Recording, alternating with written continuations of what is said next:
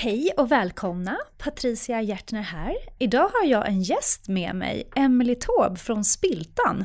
Välkommen! Tack! Jättekul att du kom hit. Vill du berätta lite om dig? Um, ja, uh, jag har egentligen kommit in i finansbranschen på ett bananskal kan man säga. Eh, jag pluggade till eh, statsvetare och tänkte att jag skulle jobba inom offentlig förvaltning. Eh, ekonomistyrningsverket var det som jag tyckte verkade superroligt att jobba på. Man fick skriva rapporter utan källhänvisning när man liksom hade skrivit uppsats och var tvungen att ha källor på precis allting. Så kunde man plötsligt liksom vara mer fri sådär. Så det var min dröm. Jag började jobba på Försäkringskassan som första jobb och sen så halkade jag in på försäkring via Folksam Uh, och där lärde jag känna en del fondbolag och nu jobbar jag själv på då fondbolaget Spiltan Fonder. Just det. Um, en, en anledning tror jag till att jag började på Folksam var för att jag, jag ärvde en aktieportfölj ska jag säga. Ja. Um, och det var framförallt gubbaktier typ som ABB eller ASEA eh, hette de ju på den tiden. Och eh, Stora Kopparberg fanns det också en aktie som hette. Mm. Eh, som sen blev Stora Enso och sådär. Och, och de låg mest och skräpa. Och sen så öppnade jag en depå hos E-trade. Mm. Och insåg då att ja, men man kan ju börja köpa och sälja själv och faktiskt tjäna pengar på det. Och varje år var det ju fruktansvärt med K4-blanketter. Man satt i flera timmar. Och, Åh, fy! Ja. Eh, och jag som då inte, jag slutade med matte i tvåan på gymnasiet. Jag tyckte det var superjobbigt för det var så mycket Mm. siffror. Men, eh, men det var också en utmaning att faktiskt klara deklarationen. Ja. Eh, och sen kul att man faktiskt kunde tjäna så pass mycket pengar på att bara sitta hemma och köpa och sälja aktier. Och E-trade tycker jag var en av de första bra plattformarna att handla på. Nu har jag inte den längre. Um, nu har jag lite alla möjliga. Jag kör Nordnet och Avanza och Garantum faktiskt. Garantum fondkommission som egentligen bara är fonder då, eller, Mm. ehm, eller strukturerade produkter som jag inte köper. Men, ehm, men det är roligt att hålla lite koll på plattformarna. Absolut. Eh, nackdelen för mig nu är att jag jobbar inom, eller på ett finansbolag och det innebär att jag inte får handla hur som helst. Jag har 30 dagars regel vilket innebär att jag får bara sälja ett värdepapper eller en aktie eh, med förlust inom 30 dagar. Så går den plus så måste jag vänt, vänta minst 30 dagar. Just det. Och jag är inte van att handla på det sättet för jag brukar handla på volatilitet. Du är som jag, vad roligt! Ja. Kul. Ja. Ja, Ja. det ju, måste ju vara en väldigt stor omställning faktiskt. Ja. Att liksom hålla sig i skinnet. Det är det du verkligen. måste ju det helt enkelt. Ja. Ja, och jag har faktiskt inte riktigt fattat det ännu heller, för att så sent som för, eh, ja nu är det kanske tre månader sedan då, jag köpte Ericsson på, på rapporten när den dippade 15 procent Ja. och tänkte, och, och jag var lite snabb på köpknappen. Eh, Ja. Och sen så kom jag på när jag hade köpt, så när jag hade innehavet, bara, men nej, jag kan ju inte sälja, för jag tänkte så här, jag köper på den dagen och sen så kan jag sälja om några dagar, för den kommer ju sannolikt att studsa tillbaka. Ja. För det är ändå en, en väldigt likvid aktie så att man Mm. kan ändå föreställa sig att den kommer att röra sig på ett visst sätt. Precis. Eh, men sen så insåg jag som sagt att eh, jag inte kunde sälja och när det hade gått ganska precis en månad då låg jag ju back på den. Nej. så då ville jag inte sälja den. Nej. Men jag har en kvar nu och nu ligger jag Ja. faktiskt plus lite Ja. grann. Så, så nu får jag se hur jag gör med den. Just det. Men, eh, men det är ett nytt sätt att tänka faktiskt Mm. och inte köpa just på, på rörelserna. Mm. Men, men det, ja, det kanske är ett mindre, det är inte så mycket adrenalin när man, eh, när man köper mer långsiktigt som när man sitter och tradar. Så det kanske är bra. Ja, precis. Jag köpte och sålde väldigt mycket under finanskrisen och då, Ja. då satt man ju, jag satt fast i möten och sen så ville man ju bara springa tillbaka till datorn för att se vad som hade hänt. För Ja. det kunde vara 8-9 procent eh, upp eh, på morgonen Ja. för att sedan liksom vara ner lika mycket några timmar senare. Ja, gud. Ja. Vilken grej. Ja, jag kommer, jag kommer ihåg faktiskt Ja. hur det var. Eh, finanskrisen där. Det var ju... ehm, ja, det var lite svettigt men efteråt blev det ju bra. Att det är liksom, ja, det återhämtar sig ju alltid. Så är det ju. Det gör ju det. Eh, sen är det ju så att det tar olika lång tid. Eh, nu har det varit väldigt mycket, nu har det varit upp de senaste tio åren. Ja. Eh, så det är väldigt mycket prat om när kommer dippen, hur stor blir den och sådär. Och det, det är ju ingen som vet. Eh, men nu kör ju du lite mer långsiktigt så det är ju lite lugnare och skönare. ja, i princip så kör jag ju faktiskt bara fonder. Jag har Ja. några få aktier. Eh, men, men i övrigt så investerar jag i dels uh, Spiltan Fonders egna fonder såklart. Mm. Eh, både för att jag, jag tror på våra produkter, annars hade jag inte jobbat på det här företaget. Precis. Eh, men också för att eh, ha bättre koll på dem. Mm. Just det. Hur väljer ni ut de företagen som finns med i, i fonderna?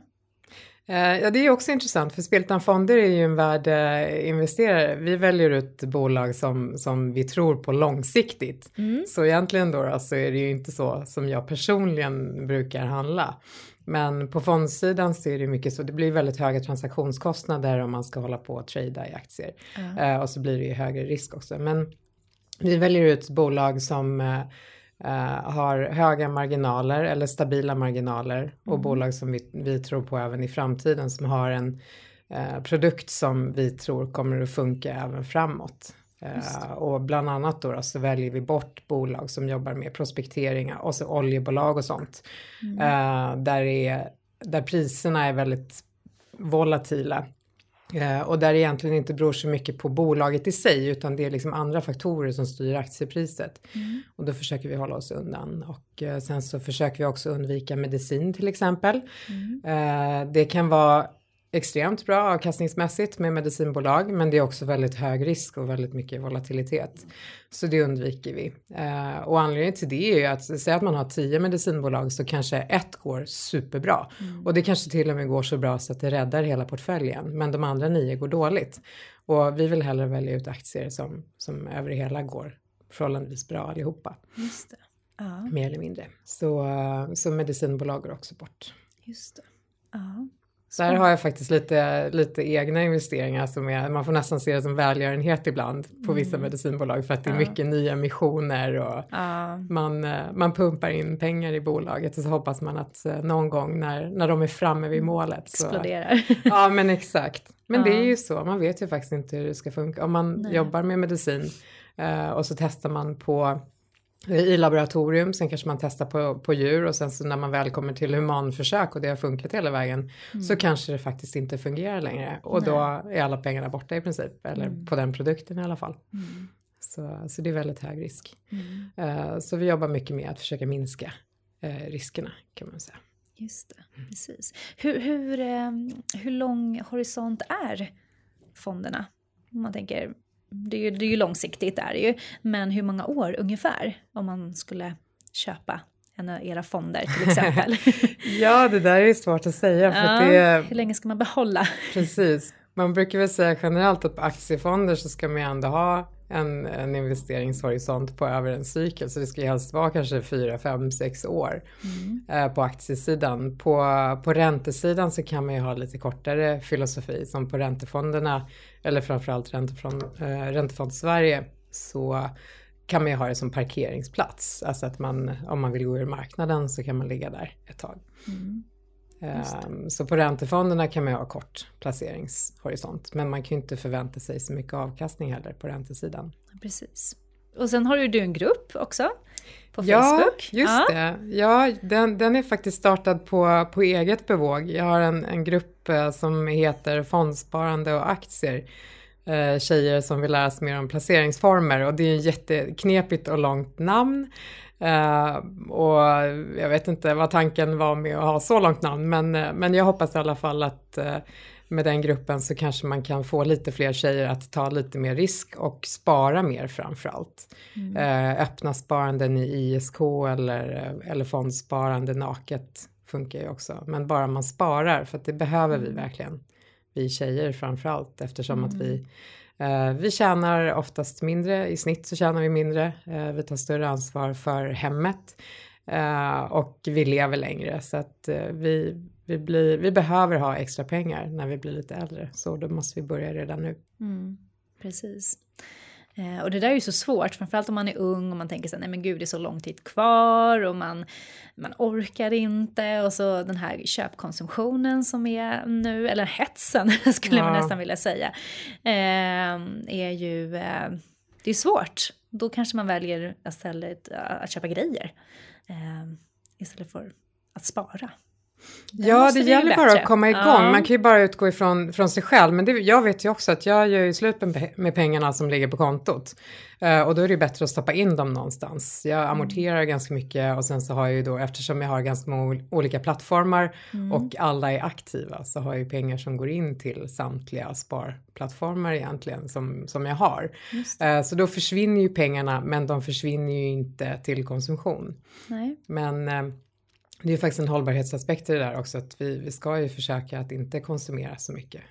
För att det funkar inte Mm. Nej. långsiktigt för vår planet. Så det är Precis. bättre att kanske spara pengarna då. Men Mm. det blir lite parag- paradoxalt där, för om, om aktierna går bra så betyder det att det har varit en, eh, ja förmodligen då en hög konsumtion för att det, ja, folk har köpt mycket saker. Om man tittar på Precis. retail-sidan så Mm. finns det en korrelation där, så att det, det är lite motsägelsefullt. Ja, det är lite dubbelt. Hållbarhet och avkastning funkar inte alltid tillsammans. Nej, precis. Så kul att du har kommit hit och, och pratar, det är ju jätteroligt. Vi satt innan här och pratade eh, också massa roliga grejer. Så att, eh, ja, och eh, ni har ju massa grejer på gång. Just det, det var också en fråga. Ja, Eh, vi jobbar ganska mycket med aktiespararna på Spiltan Fonder och jag, jag har inte gjort det personligen speciellt mycket historiskt men mina kollegor är ju väldigt mycket ute i landet. Eh, och på spiltanfonder.se så kan man ju se kalendariet när vi har events.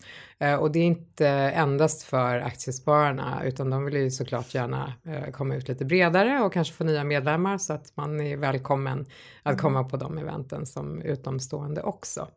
Eh, sen är ju min plan att vi ska försöka ha lite tjejevent också i, ja men framförallt i Stockholm kanske eftersom jag bor och jobbar här men även ute i landet. Och i Aktiespararnas regi så har vi faktiskt haft ett par tjejevent där jag har pratat på ett och min manliga kollega har pratat på två. Så kul.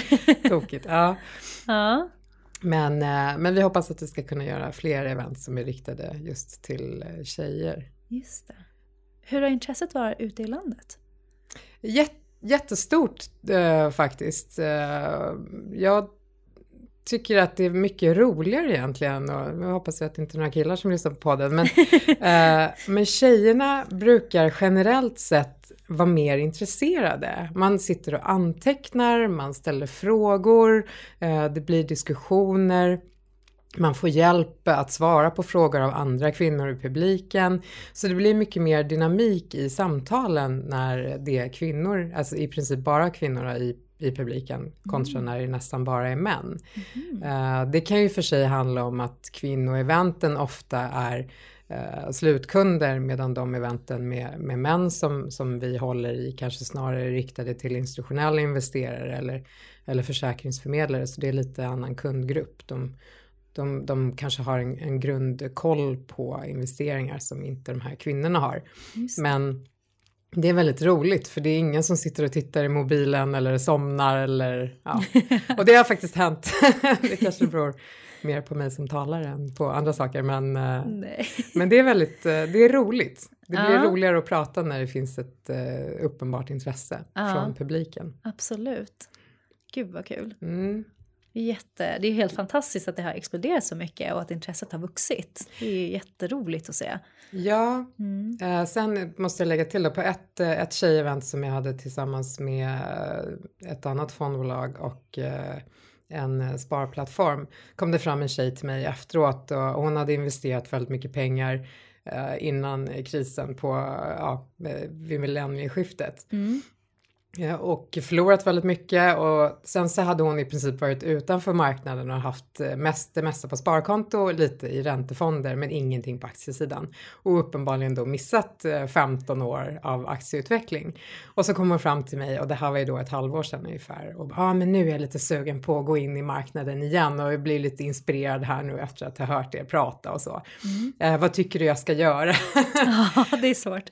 Ja. Ja, och då blir man ju jättenervös för sannolikt har hon ju kanske jobbat upp ett kapital då fast, eh, ja, fast på sitt sparkonto och man vill ju aldrig säga till någon att de ska gå all in på aktiemarknaden, särskilt inte när det har varit väldigt lång uppgång. Mm. Eh, så jag sa till henne att risken om du går all in nu är ju att du kommer bli besviken igen. Så starta istället ett månadssparande Mm. och eh, se ut lite olika värdepapper och se hur, du- hur du tycker att det känns. Ja. Men, eh, men det är just ett, ett annat problem just med tjejers sparande att vi är benägna att använda räntefonder som ger väldigt låg avkastning. Det handlar ju om ja, ett par procent i bästa fall Mm. eh, om man har lågriskräntefonder eller till och med sparkonto där, där man ju får noll.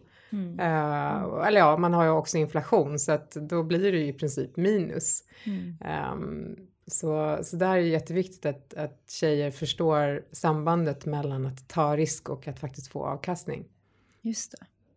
Precis. Och har man då månadssparande så, så blir det ju faktiskt en, eh, en bra effekt. Jämställdhet är ju en jätteviktig fråga. Eh, Mm. Jag har själv en dotter och jag är uppenbarligen kvinna själv så det är klart att jag tycker att det är viktigt. Mm. Men, eh, men sen så måste man ju, ehm, när, när det gäller branschen som helhet, finansbranschen är ju väldigt mansdominerad. Ja. Eh, och tittar man på bolagsstyrelser så ser det också ut så. Jag satt och kollade Ja. på, jag har till och med tagit med mig den här Ah. Allbright-stiftelsens eh, senaste rapport. VD Ja. Kvinnor väljer jämställdhet som är från september nu 2017. Den Just kan jag rekommendera att man tittar på.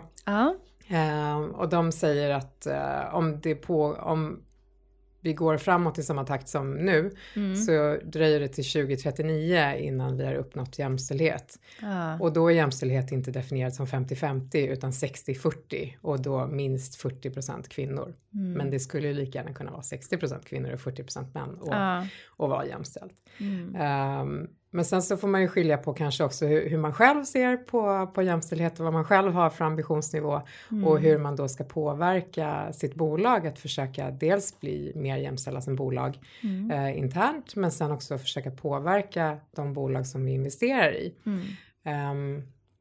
Eh, och ja, Spiltan Fonder, vi är 16 anställda. Det är Mm. tre kvinnor. Ja. Eh, det är noll kvinnor i förvaltarteamet. Okej.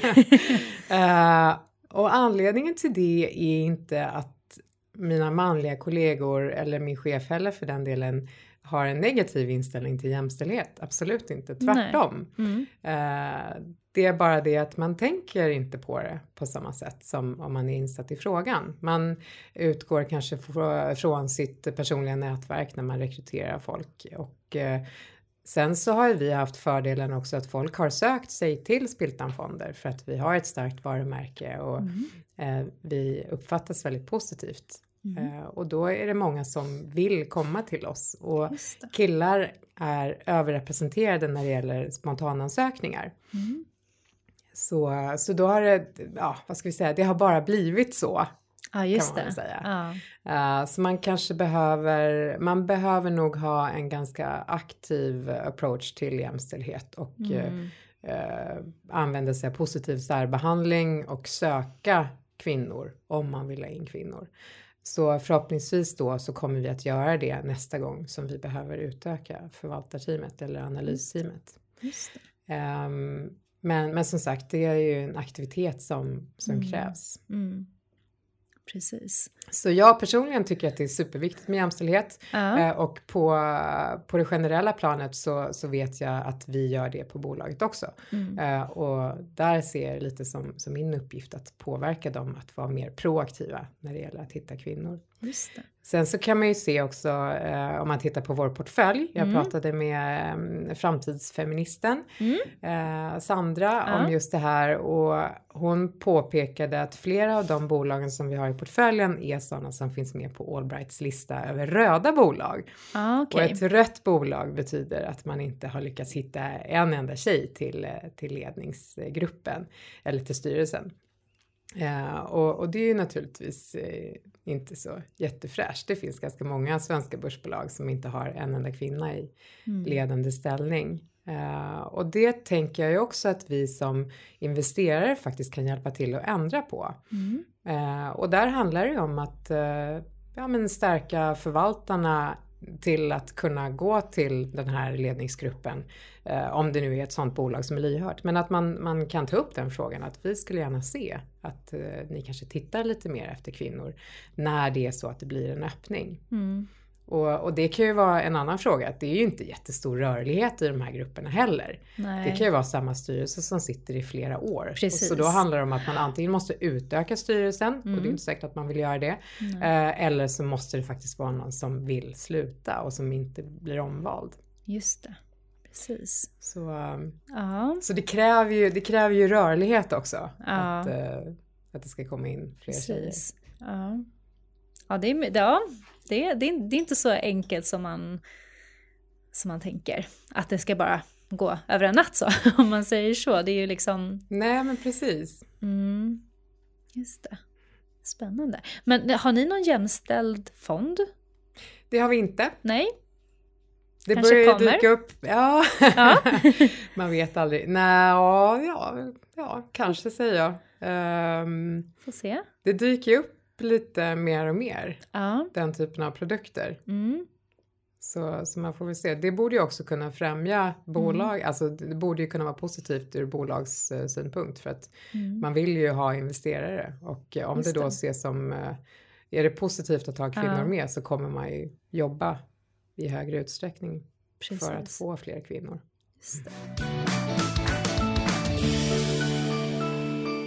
Emelie, hur investerar du? Ja, det är ju lite svårt då, eftersom jag jobbar på fondbolag, men eh, det blir ju väldigt mycket fonder på grund av det. Mm. Um, sen så har jag själv, jag tycker att det är viktigt med, med hållbarhet. Jag satt med Lundin här för, ja det är väl ett par år sedan nu och uh, kände att men gud varför har jag den här aktien? Det är olja och, och dessutom så, ja det finns, det är ju gruvverksamhet också. Uh -huh. uh, det är jättesvårt om man tittar i tredje världen och sånt där att ha, alltså det, det, är så många nedslag på hållbarhetssidan som man får om man använder den typen av placeringar. Så att det, den aktien sålde jag faktiskt av etiska skäl. Mm. Var det petroleum då eller? Um, jag har haft båda faktiskt. Ja, båda. Ja. Mining och ja. ja mm. uh, men, um, men sen så kommer jag ihåg också min förra arbetsgivare, Folksam hade ju innehav i uh, Lundin uh, nu kommer jag inte ihåg om det var petroleum eller mining, mm. eh, men försökte påverka dem till just det här med det arbetsrättsliga. Mm. Eh, och det slutade väl med i princip att eh, Lundin-gubbarna eh, sa att ja, men man kan gilla läget eller så kan man sälja och det slutade med att folk som sålde det här innehavet för att man inte hade den förändringsviljan. Det här är flera år sedan. Mm. Eh, det kan vara annorlunda idag, eh, men, men så var det då i alla fall. Och just eh, gruv och oljeverksamhet är knepigt, liksom mm. bankverksamhet som ja, ofta så kan det vara att man påverkar priserna, vilket oftast då påverkar fattiga i tredje världen. Um, så att det finns vissa verksamheter som är svårare att investera i än andra. Så att jag försöker tänka på hållbarhetsaspekter mm. när jag gör egna placeringar. Så jag har lite solenergi mm. eh, bland annat. Mm. Sen har jag faktiskt lite lite medicin eh, och som sagt det är ju nästan som ett välgörenhetsprojekt. Mm. Eh, men det just det här medicinbolaget det är, är kvinnoforskning och mm. de är väldigt tidigt i forskningsfasen så vi får väl se vad, som, vad som händer där. Förmodligen så blir det väl en, en förlustaffär. Um, men eh, jag försöker tänka hållbart som sagt. Uh. Uh, och sen så på fondsidan så har jag faktiskt också lite läkemedel men då är det ju professionella investerare som sitter och väljer åt den. Ah, okay. Mm. Uh, och sen så har jag naturligtvis spilt alla Spiltans fonder faktiskt. Uh, och jag säger faktiskt för att jag tycker att uh, jag är ung och fräsch, jag är bara 43 mm. uh, och därför så borde inte jag ha ränta men jag har en portfölj på Nordnet mm. som heter Spiltan-portföljen mm. för att jag vill se lite hur det ser ut om man skapar en portfölj bara av Spiltans fonder. Mm. Och då har jag både Räntefond Sverige och Högräntefonden i den. Okay. Men annars så är det all in på aktiefonder. Ja, kul. Hur många fonder har Spiltan? Eh, åtta. Åtta? Mm. Mm. Just det. det är Räntefond Sverige och mm. Högräntefonden och sen så har vi två stycken passiva fonder. Mm. Eh, in, eh, aktiefond, investmentbolag och globala investmentbolag. Mm. Vi gillar ju investmentbolag uppenbarligen och eh, Warren Buffett är en, eh, mm. vad ska vi säga, hjälte eller idol eller så eh, mm. på vårt företag. Och sen så har vi fyra stycken aktivt förvaltade svenska aktiefonder eh, stabil som även har lite ränteinslag mm. eh, och eh, Aktiefond Sverige och sen så är det Småland och Dalarna. Spännande. Mm. Vilken har gått bäst? Vet du det? Ja, det är investmentbolagsfonden, den svenska. Den har just gått klart bäst. Svenska Ja. investmentbolag har varit en superinvestering egentligen sedan fonden startade 2011. Om Ja. man tittar på investmentbolag generellt och eh, Stockholmsbörsen så, så ligger man på ungefär dubbel avkastning. Mm. Eh, och om vi säger Stockholmsbörsen så kan man ta 6PRX som är hela Stockholmsbörsen. Tar man OMXS30 så blir det ju ännu större skillnad. Mm. Så investmentbolag har varit en superinvestering. Ja. Men det är ganska intressant för man ser, jag är med i lite olika tjejforum på, på Facebook och försöker följa det som, ja, men det som sägs och det man frågar efter och sådär. Och ofta så använder man ju investmentbolagen som eh, eller många säger att det är en bra första investering för att om man köper ett investmentbolag så får man ju ganska många underliggande aktier Mm. så man får en, en större spridning mot om man bara köper en enskild aktie. Just Så det. det, det kanske har drivit på priserna också. För att det funkar ju faktiskt så att ju fler som köper en vara desto mer ökar den i pris. Just det. Och det gäller ju även för aktier. Precis. Är det eftertraktat så går det upp. Ja, just det. Tack så jättemycket Emily för att du kom hit. Det var jättekul att ha dig här. Tack själv! Superroligt. Lite nervös, det är min första podd. Så. Är det det? Ja. Nej men gud, jag trodde du var jättevan. Ja, nej. Vad roligt. Ja. Men det här får vi göra om. ja men Mm, verkligen. vi har redan Gärna kommit det. på en massa andra Ja, ämnen. Så att du är välkommen tillbaka. jag kommer gärna tillbaka. Tack. Kul. Tack. Hej då.